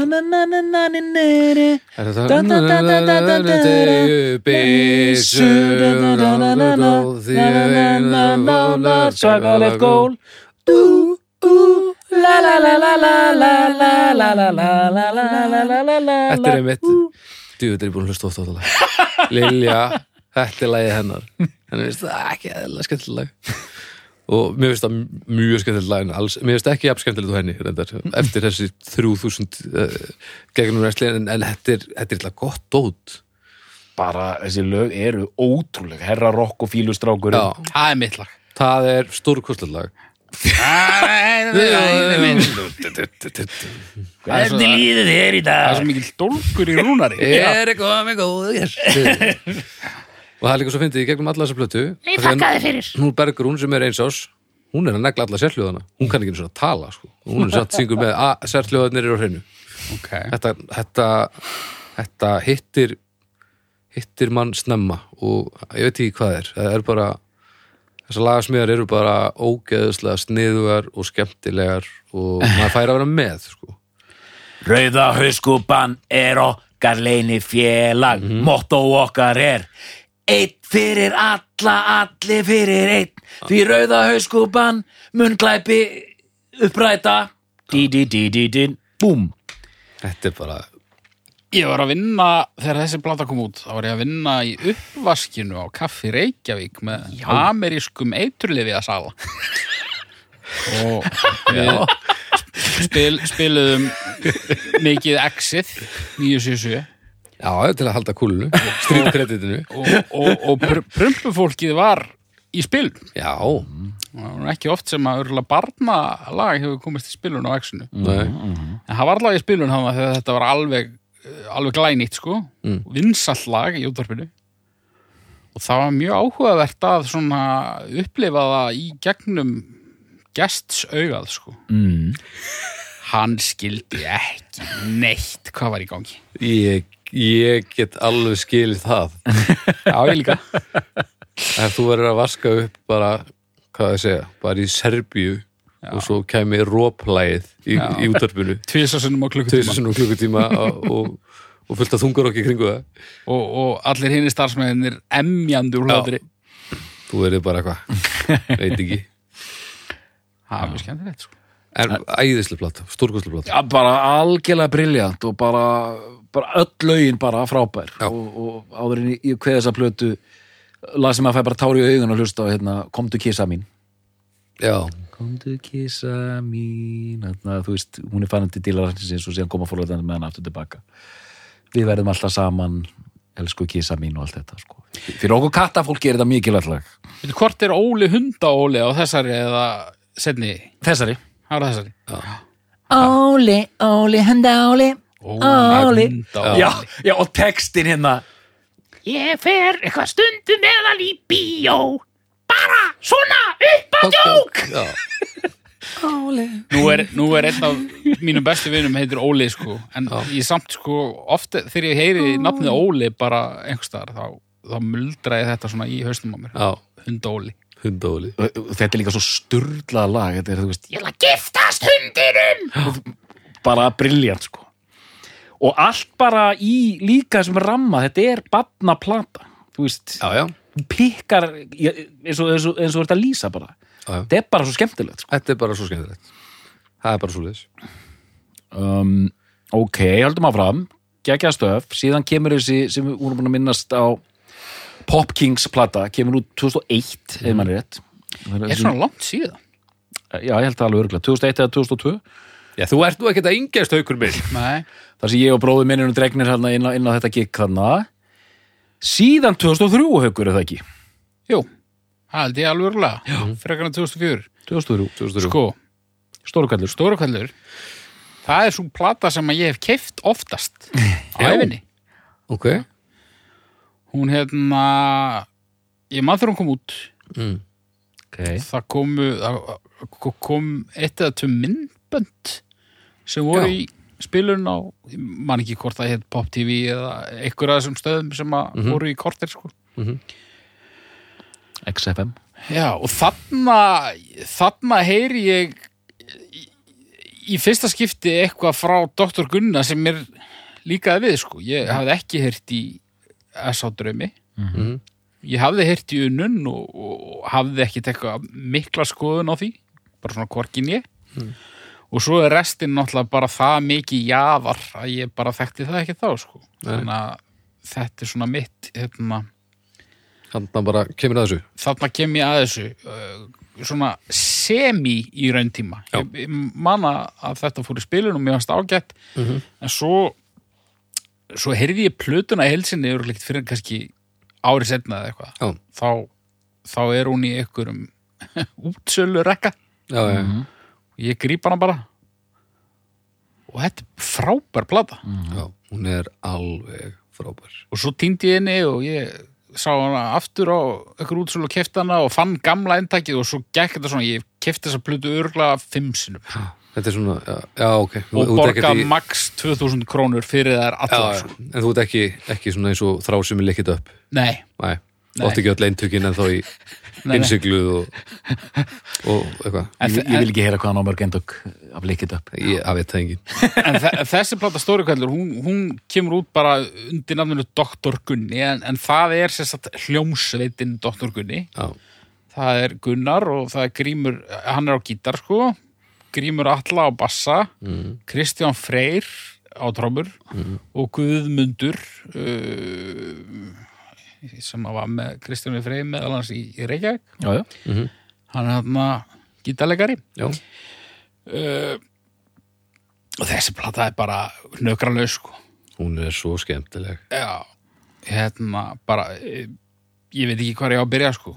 Bara hérna titillægið, fyrsta lægið, dásamlegt og já, svo bara komaðu á færi bandi sko.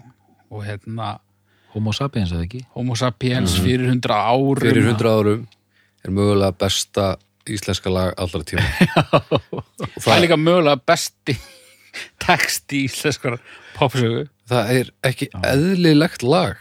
Hafi þetta er, þetta er svo það er svo ógeðslega flott lag. Bara lagið, fyrir utan texta og allt sko.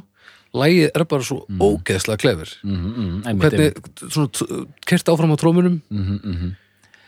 Og, og- og bara þessar ótrúlega finnu hendingar í textum sko. hann, hann er svo fyndin já, Nei, og sí- síðan, við erum með þetta svo kemur lokakablin síðasta viðlag fyrir hundrað, þá kemur bara gítarinn bara á miljón yfir og ægilega hátt bara þetta er mjög óhefbundi líkilega drega sigur það er er þetta er svo helviti Safari 84 já, mm.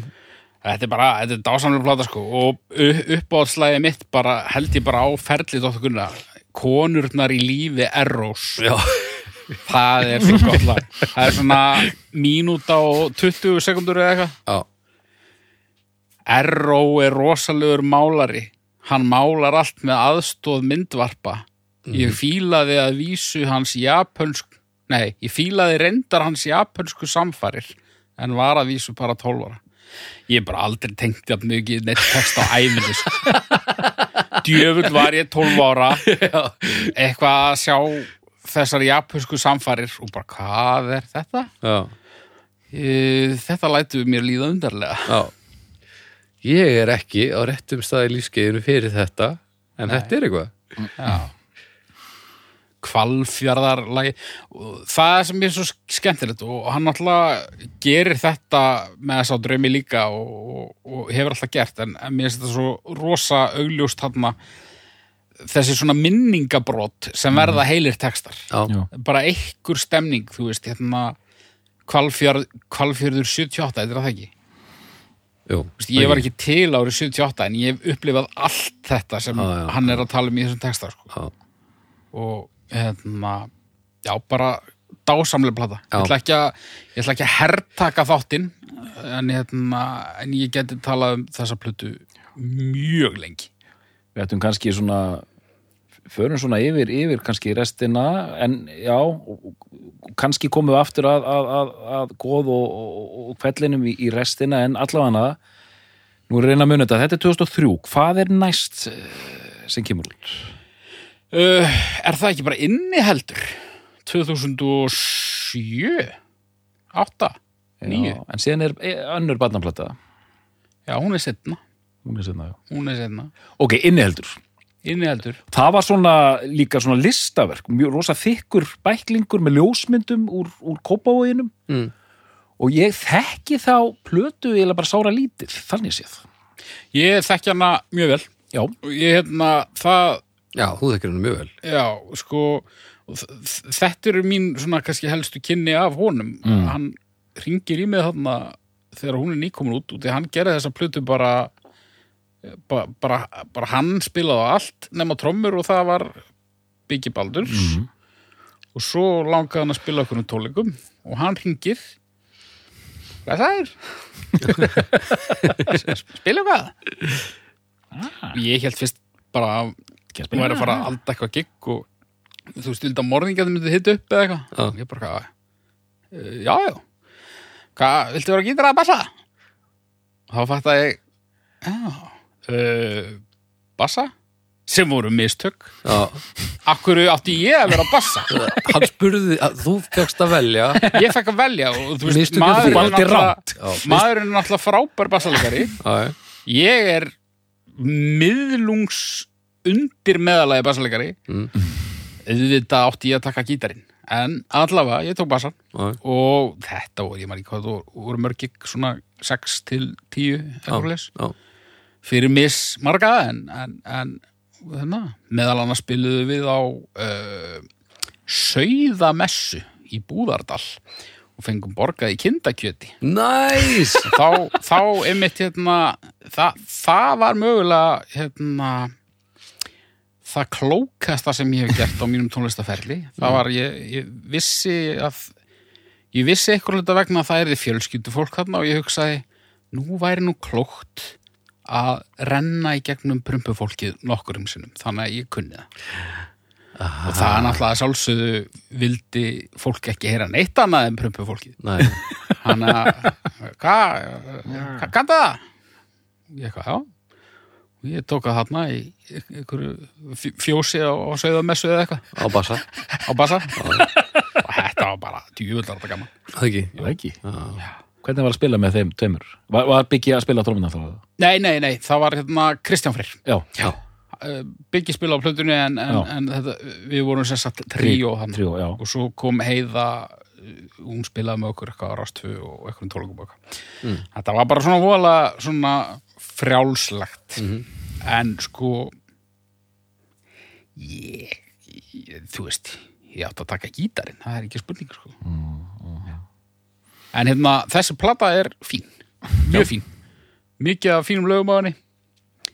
Það var eitt lag, ég man nú ekki einu sinni hvað hétt sem að ég hlustaði gríðalega mikið á bara ég, ég kom aftur að þessari plötu þegar við byggum saman. Já, það var svona, akkurat og það var eitthvað lag þarna sem var ógisla reyfina og ég hérna var að spila það fyrir Baldur og hann bara, að ég er ekki að fylgja ég, ég man að ég var eiginlega móðgaður bara fyrir hönd lagsins. Já, ég nú að tekka Ég- en þessi plata hún hljómar þú veist, hún er tekin upp í bílskúr og hún hljómar pínu þannig. Hún, hún er alveg svona uh, skref tilbaka í, í, í pródúseringum og bara viljandi held ég.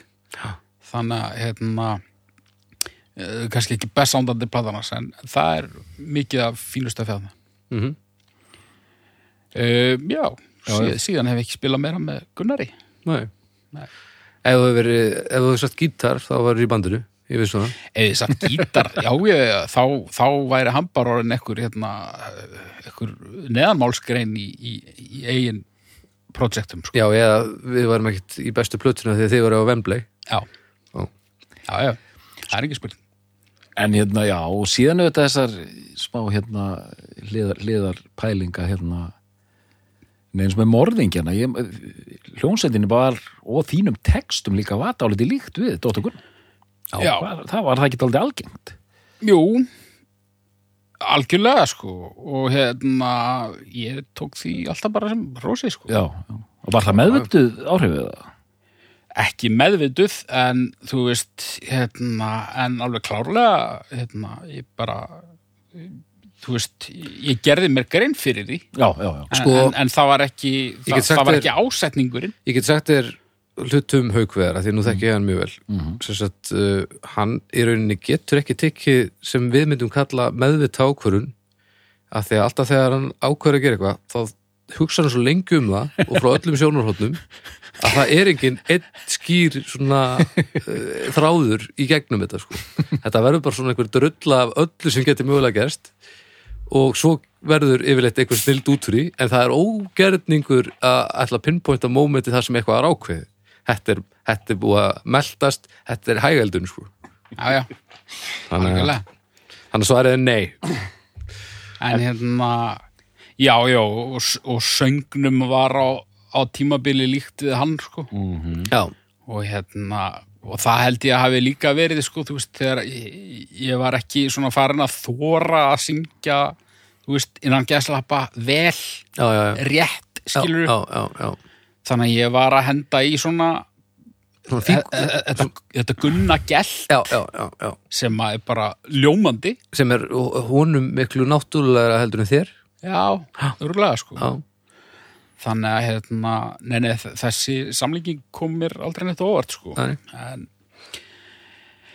en svona, þú veist við skulum segja outputið, það er aðeins það er aðeins munur. Smá. En hérna hann, hann hefði tekið allan minn tónlistaferil og gefið hann út á svona tveggja ára tímabili, eitthvað mann 90s já, um það vil En hérna áður um hverðin þessa plötu, hve- hérna að því ég er svo lítlustar, hver, hver, er svona blærin af þessari plötu miða við það sem við höfum verið að tala um fram að henni? Er, er hún aðeins svona heima gerðar eða hvað? Jú, jú, hún er bara, veist, það er bara, ég myndi segja þetta væri bara svona rökrétt framhald st- stóra kvelds, hún er samt, hún er, hún er náttúrulega hrárri sándlega, en, en hún er líka svona aðeins aggressívari, aggressívari Anna? Einmitt. og bara svona Smá svona? Dólkslegri. Nei, hún er ekki við alveg, erum ekkert alveg í fleskinu þetta, þetta er ekki djöflasýra, sko. Nei, nei, nei. og hérna og þú, það er komið víða við það er bæði það, er punk og það er noise og, og það er sko alveg yfir í eitthvað svona útlaga country sko Næst á efniskráni er þá næsta barnaplata. já, Þetta er alveg öruglega. Það er hérna alheimurinn Alheimurinn, já. Hún kemur hvað, 2010? mm, Eitthvað svo liðis. eitthvað svo leis Ég þekki hana lítið, sko. Það var hann eitt lag spila alveg á miljón, hann að prinsessan mín og þetta sem að Friðrik Dór söng nei, prinsessan mín er á inniheldur, sorry það er gott lag, ég glemt að tala um það það er ógeðslega gott lag en já, hérna í glaðasti heimi. já, já, já, já, Já. Það, það fekk mikla spilun sko. já, já. Það er það er einmitt lag sem fekk það mikla sp- spilun að fólk var að fara að hata og það er óverðskuldu það er, það er gott lag sko. Frábært lag. Liggið þú og Lilja yfir þessari blötu líka? nei, minna, Já. en það er ekki ég þekki hana bara miklu minna. Já, ég hef bara ekki gefið ég, já, ég, það, þetta er bara eitt af því sem er eftir sko. Kannski bara því að Lilja líka kveikti svo harkalega á hinni að, og, og stóra sko þannig að við erum bara svolítið búin að vera að hlusta á á uh, ababab stóra kveld í, í bland einhvern veginn uh, við annað efnið frá honum sko það er geggjað lag á henni sem heitir Gubbuhesturinn Gubbuhesturinn já, Já, ok það eru fín lög hann sko. Hann er með gubbuhest, hann er með gubbuhest, hann er með gubbuhest. Gubbuhest. Snildar. já, já, þetta er eh, hérna, þú veist hún verður náttúrulega alltaf bara borin saman við Ababab skilur já, já, sem er bara hérna, hennar örlug en, en ekki þessara plöðu nei. Hérna er þetta, ok, hérna er ágætt sko, Ababab, Ababab kemur út 97, Mm. Stóri Kvellur kemur út 2003, Mhm. Inniheldur kemur út 2009, ok, Vá, maður er vegi áf hérna, Alheimurinn kemur út 2013 á ég og það eru tvær í rauninni eftir sem við talaðum, það er platan í sjoppu sem kom út 2015 já, og síðan nýjasta plata, Nei OK, sem kom út 2021 Mhm. og sko í sjoppu var svona lítil plata einhvern veginn í tengslum við myndlistarsýningu. Já. Ég þekki hana ekkert vel sko. Nei, ég hef rendinni einu sem tvisar ég er svona á sama stað. Og síðan er það þessi nýjasta plata sem var í rauninni kveikjan af þessum þætti er þessi nýjasta plata sem er mjög skemmtileg. Nei, hún er, hún er algjörlega frábær. Hún er bara, já, ég myndi segja Hún það er- bara frábær. og ég var, hefði alveg verið með hana í púkinu sko. mér finnst hún alveg æðislega skemmtileg. Frábær plata. Geggið hún er eiginlega bara, ég er ennþá svona hún er ennþá að veltast sko. Já. Uh, já, ég er núna er ég bara orðlaus sko. mörg, mörg frábæra lög á henni. Já. uh, sko Eika Haukslægið er rosa. Já, já, það það er, er rosa það er rosalega frábært lag. Um, og sko ég er í vinnunni. Það er uppáhaldslega hennar Lilju upp bara í heiminum. Og og, og því lík snill þetta, ég er í vinnunni, ég er í vinnunni í bílnum, ég er í vinnunni í vinnunni. Nei, ég er í vinnunni í vinnunni, ég er í vinnunni í bílnum og ég, Þetta segir allt um bara þessa fyrringu samtíma, sko. Ég er í vinnunni heima, ég er í vinnunni í bílnum, ég er í vinnunni vinnunni. aumingi með bónuspoka. Já, þetta er dásanlegt ég, ég er en- samt sko ég, ég, er ekki búin að liggja yfir henni þannig að ég, ég, ég svona Ég alveg fór á bóla kafi í rauninni, ba- um, ég dæmd hana fyrir rúf og þannig að ég hlustaði alveg þvílít á hana, ég fór á útgáfu tónleikana. Já, við, við, við hittust Já, hittust Já, það, sko. já, já. þar voru hérna fólk var að hjálpa til hann heiða var á svæðinu og hérna hann kom hérna hann Guðmundur hérna Atom Station, hérna leikari. Hann söng partinn hans Eika Hugs já, Baldur reyndi að draga mig á þessu tónleika. Veistu hvað ég komst ekki? af því ég var í vinnunni heima. Hei Mjög gott. En hérna Já, e, í, í sjoppu, er það ekki platan sem að hann gerði af því að hann átti afmæli það var eitthvað þannig, já og hvað hefur hann verið gamall þá? Hver, hvernig er hann fættur? Er hann fættur 65 þá? Það hlýtur þá að vera Já, er það ekki? Jú, 50 úr Já, ég held að hann hafi gefið hann út nefnilega að því að ég held að hann hafi gefið hann út í 50 eintökum á vínil og ég náði eintækið Glæsilegt sem að ég uh, hef vannrækt í hlustun vegar Já, já. en mér þykir ofbóðslega vænt um að eiga hana Þetta er svona, ég þarf að fara að að, að, maður þarf að fara að snúið sem meira. Ha, þegar ég get að horfa á þetta eins og, eins og þrási? Nei, nei, ha. Hvað er, hérna þetta lag hérna Eika Hugs Ég veit. Ég geri engin mistök. Þetta er alveg líka sko, Mistök! Geri engin mistök. Líka sko Kristján Freyr er mér finnst hann ótrúlega skemmtilegu trómari og hann, þú veist stundum er hann bara leifir hann sér að vera svolítið sloppy mm en svo stundum eins og til dæmis í þessu lagi er hann alveg ævintýralega þéttur sko. mm. með skemmtilegur kontrastur sko mér finnst eiginlega svona að hann sína báðar þessar hliðar í þessu lagi Mm. þú veist, introið og versin það er þetta dú, dú, dú, ka- þú veist, bassatromman í hverju slagi. Alveg sko loft þétt og svona eitthvað, eitthvað hæjætt krúsidúlur sko, alveg neglir það og svo koma viðlögin og þá er hann bara á rætinum Mm. og hann bara, hann lemur einu sinni á það, þú veist, Já, hann tekur einn, tveir, þrý, hann tekur ekki ding, ding, ding, ding, ding.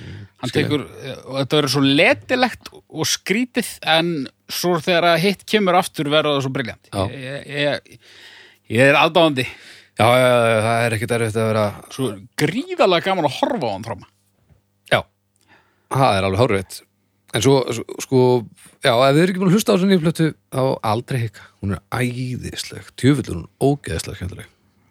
Ba- Já, kom, þú veist, hérna, ég ætla ekki að segja að það hefur komið óvart, en bara hún er, já, hún er bara framar öllum björtustu vonum, sko. Því maður veit alveg að hann, hann semur svona lög, sko. Já, og svo eins og í, hérna, hvað heitir það, Engei og Böla Mm. er það ekki þegar að línan kemur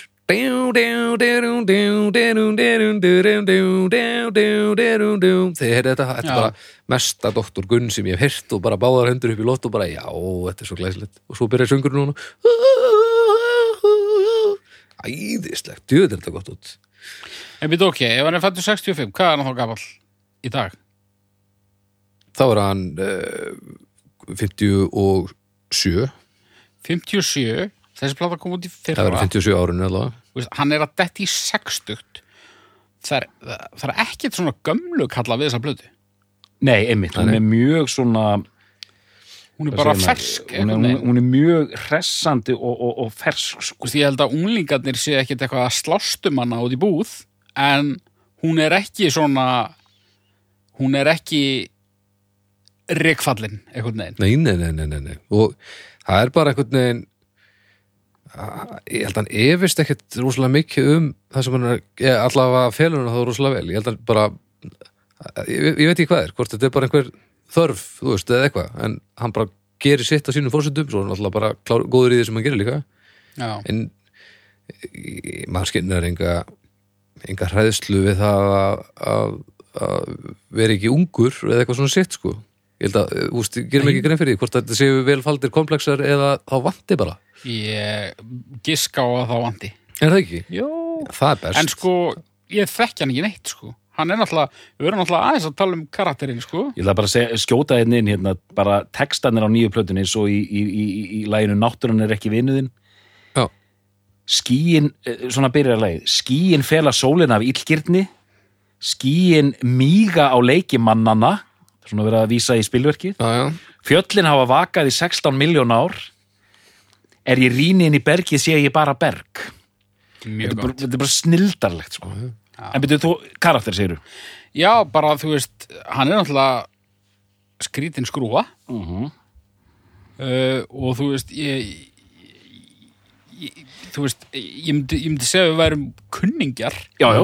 Ég þekki hann ekki neitt, sko. Nei, Og hann, hann er náttúrulega svolítið svona hliðdrægur. nei. og ég er það líka þannig að okkar Já. samræður er yfirleitt bara svona tveir menn að berjast fyrir lífið sínu en hérna en þú veist hver er þessi maður? hver er maðurinn á bakvið Ég myndi segja, sko, já, hletar er feimin Hann er bara feimin Já, já. en uh, sko, hann er líka bara svona nörd eins og við sko. já, ef, ég, ef ég líta á okkur alla þrjá hérna sem eh, nörda eða með, með nördiska takta í hinn og þessu sko. Hérna, bara þú veist hvernig hann sapnaði þessum vínilplötum og þetta ástralska og nýsjálenska og allt þetta En hann er náttúrulega næstur þér í nördisma hvað tónlist var það til dæmis? Ég menna, hann er náttúrulega bara að skrifa bækur og með þætti og Nákvæmlega, ég meina ég með skrifa bækur um íslenska tónlist með pop- pop-punktin og allt þetta. Alveg svona brennandi áhuga sem að virðist bara að vera ómögulegt að slökka á allavega svona, ef maður stendur fyrir utan. Ég, ég meina og veit, hann, þú veist, eins og með íslenska músík frá svona 50-60s, hann er alveg alfræði orðabók í þeim geira algjörlega, já, en hérna, einmitt, hver er þessi maður? Hérna, og þú veist við, við- einmitt, í, í svona sérstaklega í, í, í, í gamla dag umgeng, umgekst ég hann aðeins meira og hérna, þú veist, kíkti bara stundum til hans í kaffi og vorum að spjalla bara um einhverjar einhverjar sjónvarsþætt og eitthvað svona dótari, sko. Okkur ástraskar og nýbylgjum ástæðan nýbylgjum hljóðsettir hérna og, og, og hérna já, viðkunnanlegur sko. Ég, já ég, veit að ég, absolutt sko ég en ég, ég, ég tók þetta alltaf eins og ég tek þetta þá, þú veist, eh, kannski þið vorum í heimsóknu ég auðvitað malaði og malaði sko. Já, já, en kannski ég, ég þegar ég ég finnst alltaf eins og ég þurfa að fylla upp í þögnina sko, ég er dálítið þannig sko, bróðum minn er ennþá verri sko. Já, já, já. en ég myndi til dæmis ég myndi drepa fyrir uh, sjón, bara svona raumuleika þáttinn þar sem að, að þú haukur og Dóttur Gunni væri sendur á Interrail saman í, í þrjá mánuði. já, ég held að það erði bara stórbrótið fyrstu þættir erði helviti erfiðir en svo held ég að við varum með helviti gott efni sko. annarkvort eru við bestu vinir já, eða að á síðasta degi væru við búin að tengjast jafn mikið og á fyrstu fimm mínútur já. Og þá var þetta þá var serían skorin niður og, og, og þá væru við bara eh, bara að tala um ég veit ekki hvað sko. Nei. En, en þú veist, jú, ég, ég, þú veist og, þe- og þetta og maður kannski þú veist, maður telur sig átta sig á hvernig maður hann er út af því að maður kannski sér sjálfa sig svolítið í honum, þú veist hérna, hlétrægni í bland við aðtiklis þörf Já. það er eitthvað sem ég tengi afskaplega mikið við. Akkurat uh, þú veist, hann vílar ekki fyrir sér að að vera í frontinum á einhverjum sjónvastætt á rúf Nei, nei. árum saman, sko. Nei, nei, Já, síðan er hann, hann er orðheppin og glettin. Já, akkurat. Já, já, ég meina þetta, þetta er áhugavert sko. Og, og líka þetta að vera feimin en dæla svona út úr sér efni. Mm -hmm. og uh, ég, ég ger mér enga grein fyrir hversu mikið unnið og hugsað þetta er allt saman, þú veist, auðvitað eitthvað eða e, þetta er ekki bara þetta er ekki bara náðorgáfa, það er líka verið að- að vanda til verka, já, já, já, En mér finnst alveg magnað að hann geti sest niður eftir öllu sár, að dæla út öllu þessu efni með rúkla mikið af rúkla mikið af hittur bara gegnum ferilið. Já, og í alls konar stílum? Já, í alls konar stílum.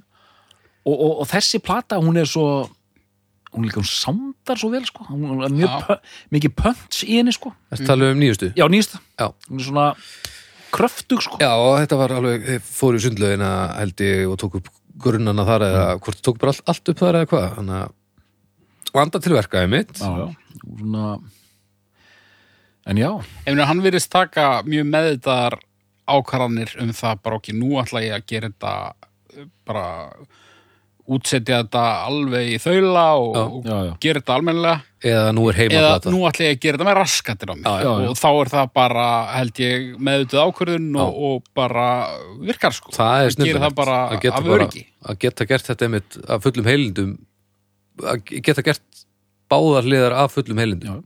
Því þú getur ekki gert heimaplötu eins og sért að þykjast gera heimaplötu af því að þá verður það aldrei gott sko. Nei. og þetta, ef við tökum þetta allt saman þetta er allt og líka bara eins og þetta hérna, eins og fólk er flesk og þessar noisecore plötur Mm. þetta er líka algjörlega geggjast upp sko Já, Já. og alveg bara sambarilegt við það besta í þeirri stefnu Já. þetta er að kynna með þetta Já, við, þurfum að tekka þessu bara svona, já, En heyri, ég, ég finn nú bara að kalla á Já, uppgjör ég held að ég, sé bara nema, orðið viltu tala eitthvað meir um plötuna eða þú tekur það bara uppgjörinu já, já, ég vil ekki að fara að loka þessu bara? Jú, ég held það. Og, og ég vil bara koma að svona áður en við förum í uppgjörið að flottasta coverið er samt uh, þú valdir rétt þar. Það er ekki eðlilegt cover á þessar plötu. Já. Þetta er glæsileg. glæsilegt. glæsileg. Og almennt ég er náttúrulega ánæði með coverin, ég segi það ekki heilt yfir, en þetta er alveg þetta er æði. Þetta er yndislegt. Og þetta sko já, ég ætla að vinda mér í þetta og bara og allir þeir sem er að hlusta er þetta tugir fólks. Tugir fólks.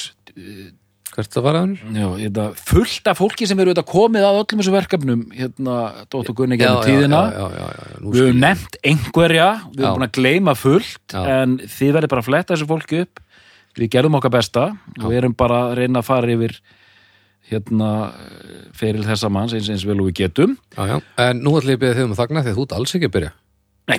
já, já, fyrirgjöðu fyrirgjöðu, já, Ró- fyrirgjöðu. rólegur Já, uh, doktor- Fóli uh, Haukur, uppgjör. Já. Ég hérna Mér líður eitthvað pínu kjánalega að tala um eitthvað mann sem áhrifavald á mig já, sem að ég er mögulega bara að fara að rekast á á morgun í einhverju bakari sko. Mér finnst það eitthvað pínu asnalegt Já, já. en það er samt, það er þannig það er líka minna aðsnalegt en þú heldur sko nema ef það er of hátilegt fyrir þér en sko hans svona approach uh, að láta bara vaða Já. það er nú eitthvað sem ég hef ekki beint tilengað mér ekki, En- ekki, ekki náttúrulegt en það hjálpaði mér samt svolítið að koma mér af stað sko. Bara já, hann gerir þetta hann er ekki, þú veist hann er ekki eh, einn af tenorunum þremur vissulega. Hann myndi ekki vinna ædolið Nei, en hann lætur það ekki stöða sig. Og, og þetta er skemmtilegt. Já. og þú veist, þetta væri ekki betra með betri söngvara. Nei. þannig að það, það til dæmis Hárrétt. hjálpaði mig gríðalega já, já, og svo íminnslegt annað sko. en hérna en þetta er svona mér langar að segja vannmetin listamaður náttúrulega flestir þekkjan annars vegar bara sem eitthvað svona barna tónlistamann og, og hins vegar bara sem svona sjómarps já, já. mann uh, en svona uh, músíkin hans með örfáum undatekningum þú veist, hann er alltaf á jæðurinn já, Mhm.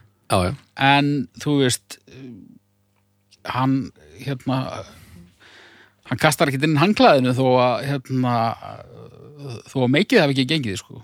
Og, og, og þetta allt saman líka svona gefur mér betri tilfinningu að þú veist mér þykir að vætna um músíkin hans út af því að hann er bara einhver maður já, sem afgreðir vegabref niður í borgartúni. Já, skilur ef að hann væri eitthvað svona plássfrek típa já, þá, þú veist, mér þætti það að verra sko. já, já, ég skilji en hérna, já yðin hefur gert margt gríðarlega skemmtilegt og rosalega lítið leðilegt Mhm. og uh, ég endaði ekki alveg sömu plötu og doktorinn en, en, en þetta var, þetta var mjög tæft Dóttor? Já, bara mjög gaman að fara með ykkur yfir feril Dóttur Gunna. Það var bara bara ógislega gaman að tala um skemmtilega músík, Mm góða músík og bara ég, ég er svona búin að fá nýja sína margt eins og með þessa plötu hérna, góð til dæmis eh, hljónsendin kom saman aftur 93 og hélt tónleika í tunglinu. Mhm.